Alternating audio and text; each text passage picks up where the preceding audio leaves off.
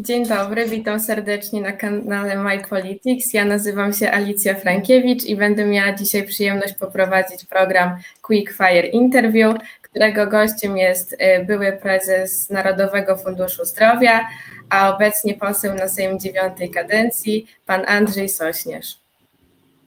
Dzień dobry, witam.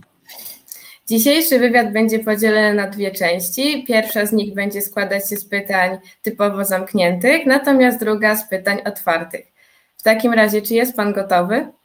No gotowy, zobaczymy jak, jak to pójdzie. Proszę bardzo. Zatem moje pierwsze pytanie brzmi: czy wiek emerytalny powinien zostać podwyższony?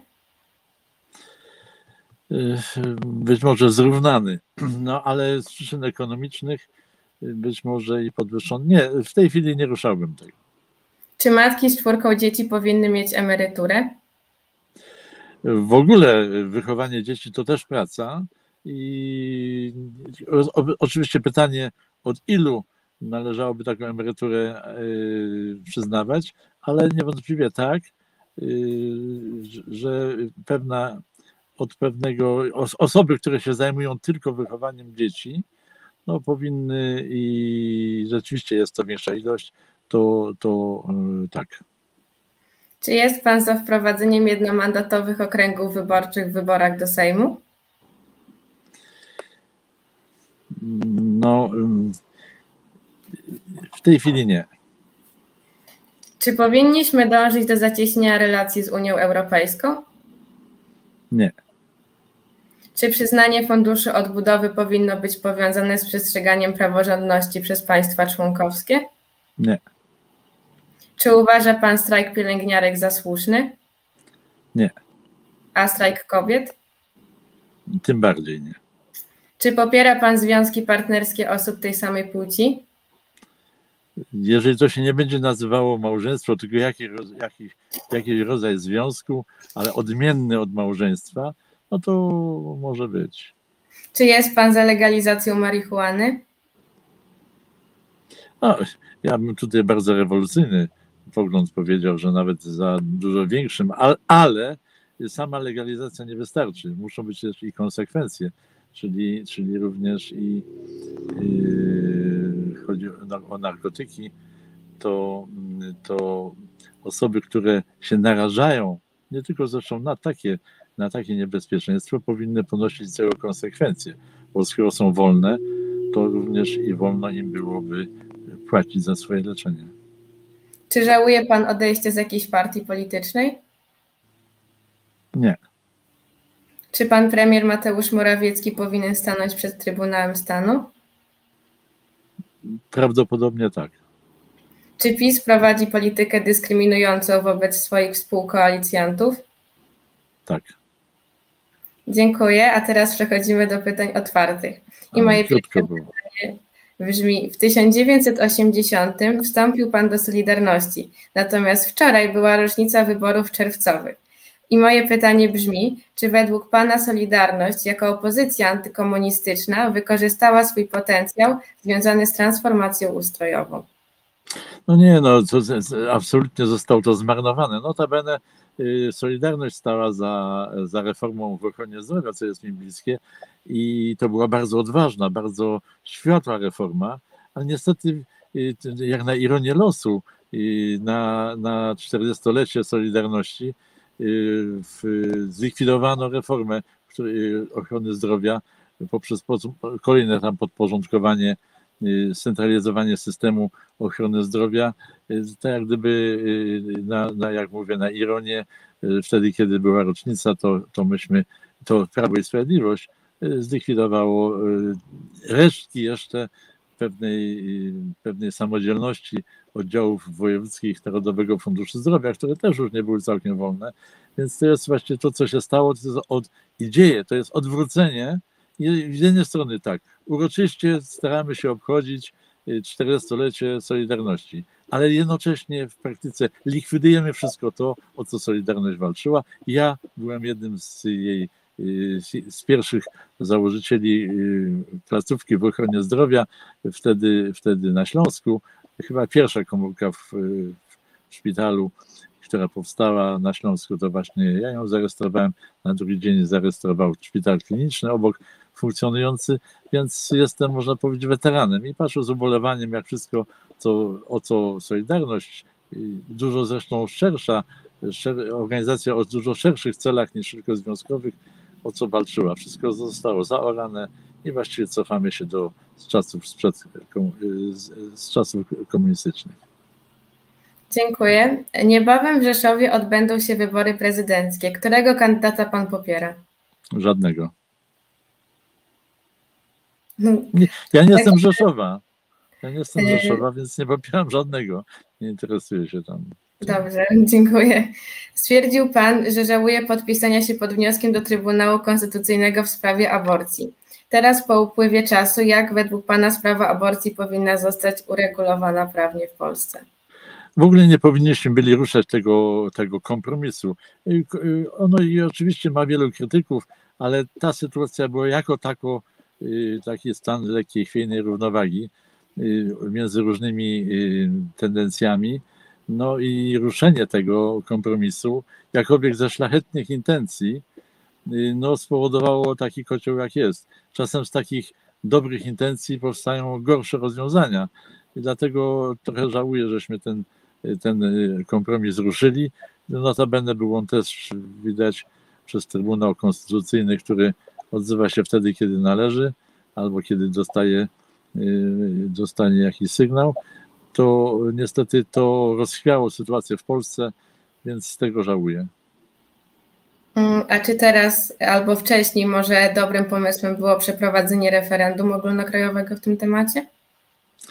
Ja wiem, to jest tak, no i, i są, są tematy, y, które, które bardzo trudno w referendum rozstrzygnąć, y, bo to problemy etyczne nie są do końca y, przedmiotem, nie mogą być przedmiotem referendalnym, czy coś jest dobre lub złe, no to rozstrzyganie, czy coś jest dobre lub złe w referendum, no to nie, nie, nie bardzo tak. Jakby jakbyśmy rozstrzygali w referendum, czy można coś ukraść małego na przykład, czy można ukraść komuś ołówek, nie? czy przywłaszczyć sobie to. Nikt tego nie uznaje za, za kradzież, jak ktoś sobie weźmie ołówek, ale to de facto jest takie samo jak wzięcie czegoś innego.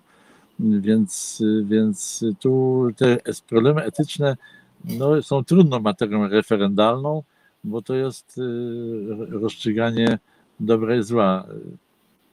Więc to referendum nie jest tutaj właściwą formą do rozstrzygnięcia. Dobrze, następne pytanie brzmi, jak według Pana zachęcić młode pokolenie Polaków do zdobywania zawodu pielęgniarka-pielęgniarz? No to, to jest zawód, który w tej chwili y, dość wiele osób jednak wybiera. Y, y, Wynagrodzenia w ochronie zdrowia wcale nie są niskie. Jak ktoś się bardzo stara, to, to sp- spokojnie dobre wynagrodzenie osiąga. Oczywiście są też tacy, którzy zarabiają mniej, no ale, y, ale to najczęściej jest taka frazeologia, że, że no ile zarabiasz, no to, to pokazuje się wy- wynagrodzenie podstawowe. Ale jeszcze otrzymuje się na przykład takie, y, takie coś, co nazy- nazywają niektórzy zembalowy od ministra Zembali, bo on tam dos- dostał dodatek. No nie, ale zembalowe to nie liczymy. W sumie dostajemy i to, i to, a jeszcze dyżury. No tak, dyżury też, no ale to nie jest to. Więc wszyscy by chcieli mnóstwo zarabiać za taką pracę podstawową, a różne dodatki, które są też możliwe do osiągnięcia, są, nie są wliczane w to wszystko. Dużo jest tutaj manipulacji, bo wynagrodzenia w ochronie zdrowia, no te maksymalne, sięgają kilkudziesięciu tysięcy złotych. Nie wiem, czy pani pamięta, niedawno dyrektor szpitala, chyba w Legnicy, szukał lekarza za 50 tysięcy złotych i nie mógł go znaleźć. Co to znaczy? Że potencjalnie ci, którzy mogliby przyjść na te 50 tysięcy złotych, zarabiają w tej chwili więcej, bo nie, nie warto mi opuszczać swojego dotychczasowego miejsca e, pracy. I to nie jest y, rzadki przypadek. Y, Tam chyba anestezjologa zdaje szukano, ale to nie tylko tej dziedziny dotyczy. Również i y, w innych sprawach no, kilkunastotysięczne zarobki nie są rzadkością. Y, To w tej chwili posłowie to są dziady w stosunku do, do tego, co się, co się tam dzieje. No ale tak żeśmy sobie sami zgotowali ten los. Więc tu, tu kwestia zacząłem, pani pytała o to, o zachęty. No, jeśli ktoś jest pracowity, to może całkiem dostatnio żyć pracując w ochronie zdrowia i to w zawodzie, nie tylko w zawodzie lekarza, ale i w zawodzie pielęgniarki. Dobrze, dziękuję. Jakby w dwóch zdaniach zachęcił Pan Polaków do szczepień? No i pani, dwie, mamy dwie, dwie alternatywy. Albo przechorujemy, przechorujemy epidemię i 1% z nas umrze, tych, co przechorowali, no albo się zaszczepimy i umrze może jeden na milion. Czy jest tutaj w ogóle, czy to są dwa równoważne wybory? Ja uważam, że nie. Bo jeśli nawet ten jeden na milion, co jest też nie do końca pewne, ma takie poważne powikłania po szczepieniach. Ja w tej chwili nie, pamię nie pamiętam, czy w Polsce pojawiło się jakieś poważne powikłanie, a już mamy chyba 6, nie więcej, 15 milionów szczepień. Czy słyszała Pani, że coś się tragicznie skończyło? No tu i ówdzie skończyło się jakimiś dolegliwościami, ale nic tragicznie. Natomiast przechorowanie, czyli druga metoda przejścia nabycia odporności, czyli przechorowanie, to się wiąże z jednoprocentowym zgonem, czyli jeden na 100 umiera. No, czy tu w ogóle można stawiać znak y, y, równości? No nie, nie można. Natomiast jak zachęcić? No, to, to oczywiście to, co się robi, to jest, y, są to próby zachęty.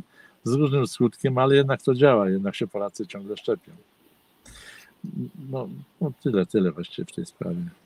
Dobrze, a w jaki sposób doświadczenia pandemii powinny wpłynąć na system ochrony zdrowia w Polsce? No to zasadniczo. System pokazał całkowitą niewydolność y, i nieumiejętność działania w czasach tak trudnych jak y, epidemia.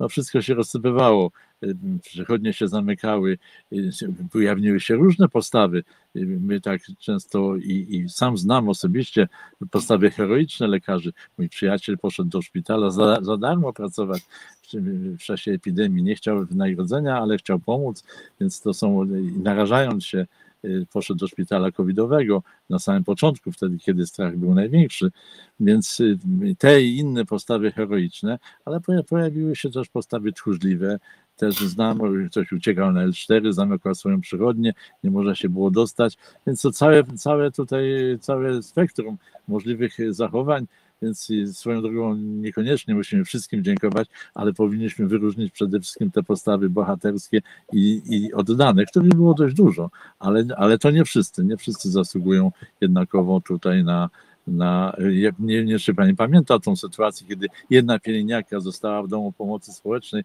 ona tam już pięć dni bez przerwy była, bo wszystkie inne poszły sobie z tego zakładu. No to czy to, czy to jest y, przykład chwalebny? No nie. A ta jedna, e, tak, ona, ona prawie że nie spała, no bo, no bo była tam jedna wśród kilkudziesięciu chyba co najmniej, jak nie więcej, e, więcej pacjentów. E, więc, więc tu, tutaj jest to, są postawy bardzo, bardzo zróżnicowane. No, a Pani pytanie, bo już zdążyłem sam się wybić z tego, było, dotyczyło jak doświadczenia pandemii. Aha, do, doświadczenia, a tak, tak, tak. No i właśnie to, to, to są tylko część podstaw, ale proszę popatrzeć, Sanepid w ogóle nie zdał egzaminów, pogubił się w tym, w tym y, centralnie zarządzany powinniśmy, zasadnicza y, y, reforma powinna być ochrony zdrowia pod kątem y, usprawnienia jej funkcjonowania, stworzenia mechanizmów samoregulujących. To, co robi ministerstwo, to jest katastrofa. I mi się wydaje, a przecież mają już tą władzę, że z centrali, jak wydadzą rozkaz, to ten rozkaz jest wykonywany. W ogóle on nawet nie jest znany najczęściej na dołach albo nie, nie dociera do, do, do potencjalnych wykonawców tychże zarządzeń i oni jeszcze bardziej brną w tą samą sytuację, sami mając chyba świadomość, że jak sobie nie dali rady w czasie epidemii z zarządzaniem chociażby sanepidem, ale nie tylko to, kwestia szpitali, y, y, błędne decyzje odnośnie szpitali tymczasowych, nie takich, nie w tych miejscach one powinny być realizowane, w niczym się nie sprawdzili. I mimo to w swoim zadufaniu chcą jeszcze bardziej centralizować. Z tym się wiąże niestety to, że, że w czasie e, epidemii Y, pojawił się łatwy pieniądz i można było wiele zarobić na tej epidemii i nadal zarabiać. Y, I to w tej chwili stało się takim fascynującym y, momentem dla, dla aktualnych ekip w aktualnej ekipie ministerialnej. Ale żeby, żeby to wszystko skomentować, zasadnicza zmiana wszystkich mechanizmów, głęboka, głęboka reforma, ale nie chodzi o pieniądze o mechanizmy funkcjonowania ochrony zdrowia, jak ona ma funkcjonować i jej decentralizacja konieczna. Dobrze, następne pytanie brzmi. Przez pandemię koronawirusa okazało się, że wśród lekarzy o specjalizacji zakaźnik występują znaczące braki. Jak według Pana COVID wpłynie teraz na wybór tej specjalizacji? No to jest, to jest y, problem, bo to jest sytuacja, y, tu trzeba inaczej przemyśleć całą sprawę, dlatego że wykształcenie w tej chwili dużej ilości zakaźników y, okaże się za chwilę nadmiarowe, bo epidemia wygaśnie i nie będzie, a następna za 30 lat, a co nie w międzyczasie będą robić. Więc, y, bo choroby zakaźne jednak z naszej populacji dzięki szczepieniom, dzięki postępowi medycyny, dzięki wzrostowi y, higieny y, w społeczeństwach, to one, one zmniejszyły się poza takimi sytuacjami jak w tej chwili, kiedy nowa. Więc wykształcenie jakiejś wielkiej ilości zakaźników za chwilę spowoduje, że będzie ich za dużo. Y, kiedy epidemia wygaśnie. Więc tu trzeba y, na nowo przemyśleć sposób y, zachowania i, i, i, może, może trzeba sięgnąć do innych lekarzy, których trzeba dokształcać, może przygotować w formie kursów, które by inni lekarze innych specjalności ukończyli i oni by mieli też uprawnienia do, do, do leczenia y, osób y, y, zakażonych. Także nie byłbym za takim prostym, wydawałoby się, że wykształćmy więcej zakaźników, bo za chwilę nie będą mieli co robić. A jaki jest największy błąd polskiego rządu odnośnie walki z koronawirusem? W ogóle myśmy nie walczyli z koronawirusem, myśmy, myśmy tylko się bronili. Czyli jak coś się pojawiło, no to myśmy, jak ktoś zachorował, no to do szpitala. I, czyli to były wszystko działania obronne. Nie, nie, nie, tylko raz na Śląsku zaatakowano problem, kiedy tam wśród górników pojawiły się te zakażenia i wtedy, wtedy rzeczywiście po raz pierwszy Sanepid zaczął prowadzić te wywiady epidemiologiczne, bo zaatakowanie problemu to jest przede wszystkim yy, zwalczanie epidemii, to jest wykrywanie wszystkich miejsc, gdzie jest wirus i ich izolowanie. No na tym to polega. No myśmy tego y, systemu wykrywania zakaźnych, zakażonych nie uruchomili żadnego. No Sanepid coś tam czasem próbował, ale to były sporadyczne działania chaotyczne. One, one nie były zorganizowane. Więc, y, więc tutaj myśmy, myśmy nie walczyli z epidemią, myśmy powo, powo, pozwolili społeczeństwu przechorować i w związku z tym y, ponieść takie straty w, w, w zgonach. Więc rząd, wybierając taką taktykę, jest odpowiedzialny za co najmniej kilkadziesiąt tysięcy y, zgonów, więcej niż trzeba było. Bo we wszystkich państwach to występowało. Tylko i trzecie fale, i drugie fale, i tam, tylko że y, wysokość, rząd może mieć wpływ na wysokość fali. Nie ma wpływu na to, że ona się pojawi ona się pojawi to są zjawiska ogólnopopulacyjne i czy, czy będzie fala, czy jej nie będzie, to zależy bardziej od naturalnego przebiegu choroby, który nie do końca jest w tej chwili rozpoznany. Ale jak wysoka ta fala będzie, to są działania rządu. Proszę popatrzeć w Australii, w Nowej Zelandii, gdzie rząd potrafił tak wpłynąć, że w Nowej Zelandii chyba zmarło nie wiem, czy 30 osób, bodajże w Australii no, 100 czy 200 i, i to wszystko, a u nas już kilkadziesiąt tysięcy, a tak naprawdę ponad 100 tysięcy. Więc y, to, to są te różnice. Tam rządy, już nie mówiąc o Tajwanie, no ale to wyspa, oni tam mają 0,3 na milion zgonów. Już w ogóle prawie nikt, prawie nikt tam nie umarł. Tajlandia, która też ma bardzo mało zgonów, to nie tylko Chiny. Chiny, które mają półtora miliarda ludzi, mają chyba tam 4 tysiące zgonów czy ileś. Więc, y, więc to nie jest tak, że się, że się nie dało w Danii, która też sobie doskonale dała radę, a już nie jest wyspą, no półwyspem. Więc, więc to nie jest tak, że, że nic nie można było zrobić.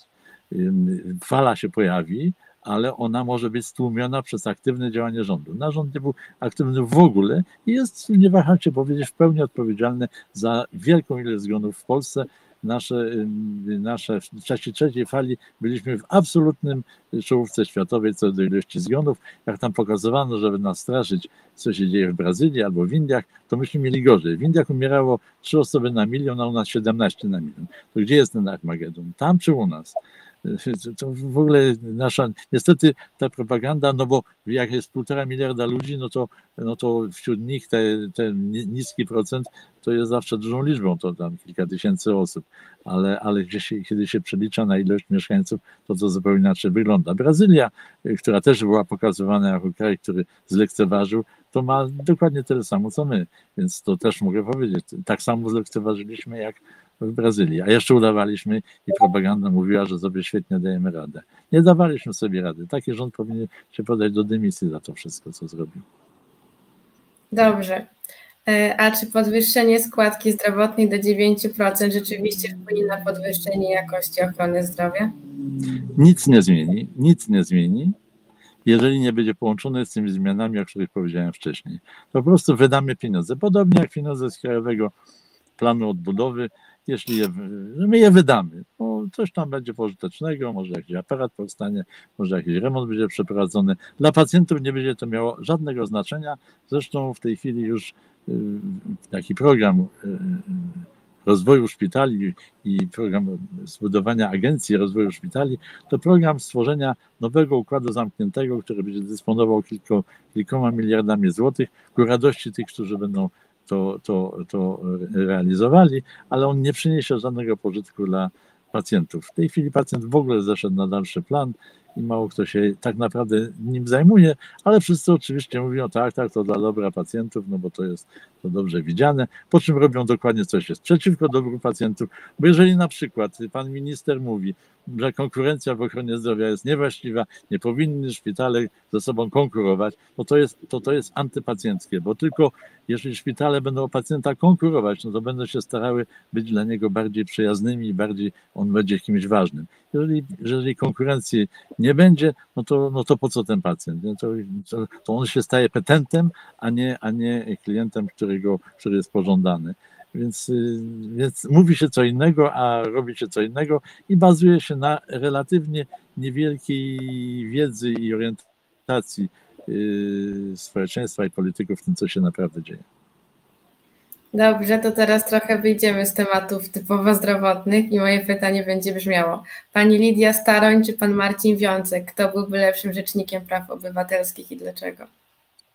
No to, to lepsze to takie kategorie. Obydwaj byliby, byliby dobrzy. Pani Lidia Staroń no, całe życie swoje tutaj y, o, o sprawach obywatelskimi się zajmowała i takie życie bardziej to już dorosłe polityczne, więc niewątpliwie y, byłaby dobrym rzecznikiem. No, pan profesor Wiącek też zajmujący się całą swoją zawodową karierę, poświęcający prawom obywatelskim, no to też byłby dobrym. To jest rzeczywiście, myślę, że mamy nareszcie dwóch dobrych kandydatów. Dobrze, a czy doktor Karol Nawrocki jest dobrym kandydatem na szefa IPN? Nie znam bliżej tej postaci, ale też nie znam ni, ni, niczego złego. Yy, o nim nie mogę powiedzieć, więc uważam, że chyba będzie dobrym kandydatem. A czy zamiast ogólnie Instytutu Pamięci Narodowej jako organizacji powinna zostać e, powołana jakaś nowa na wzór tego, co wymyśliła Lewica? Yy, no nie, no to, to tutaj niech, niech już ta organizacja, ona i tak i tak nie była Y, ona, ona i tak i tak tego całego łotrostwa nie wykazała. Y, tu można było zarzucić tej instytucji, że była za mało skuteczna. Nasza lustracja to w ogóle y, nie tykała hierarchii kościelnej, a tam też przecież agentury co niemiara i niektóre tam zbiory zastrzeżone, nie wiadomo dlaczego zastrzeżone, co tam takiego ważnego było. Potem, gdy otwierano te zbiory zastrzeżone, częściowo okazywało się, że to nic tam takiego strasznego nie było, ale więc nasza ilustracja rachityczna, niekompletna, to można zarzucić, y, a te wszystkie próby zmiany to, to jeszcze większe zacieranie y, rzeczywistości. Dobrze. A gdyby został Pan zmuszony wstąpić na miesiąc do którejś partii, której był Pan kiedyś działaczem, to do której i dlaczego? Gdybym już zmuszony, no to najbliżej mi do, do, do da, dawniej Unii Polityki Realnej y, lub też tych partii, które są tam, w tej chwili partia Korwin zdaje się. Nie, nie, nie orientuję się dokładnie, kto jest tam następcą takim ideowym, ale do, do tego mi y, najbliżej. Dobrze i dziękuję bardzo, ponieważ to było moje ostatnie pytanie. I Dziękuję. chciałabym serdecznie podziękować panu posłowi za wzięcie udziału. Dziękuję. I mam nadzieję, że do zobaczenia w kolejnym Quickfire Interview. Proszę bardzo. Dziękuję.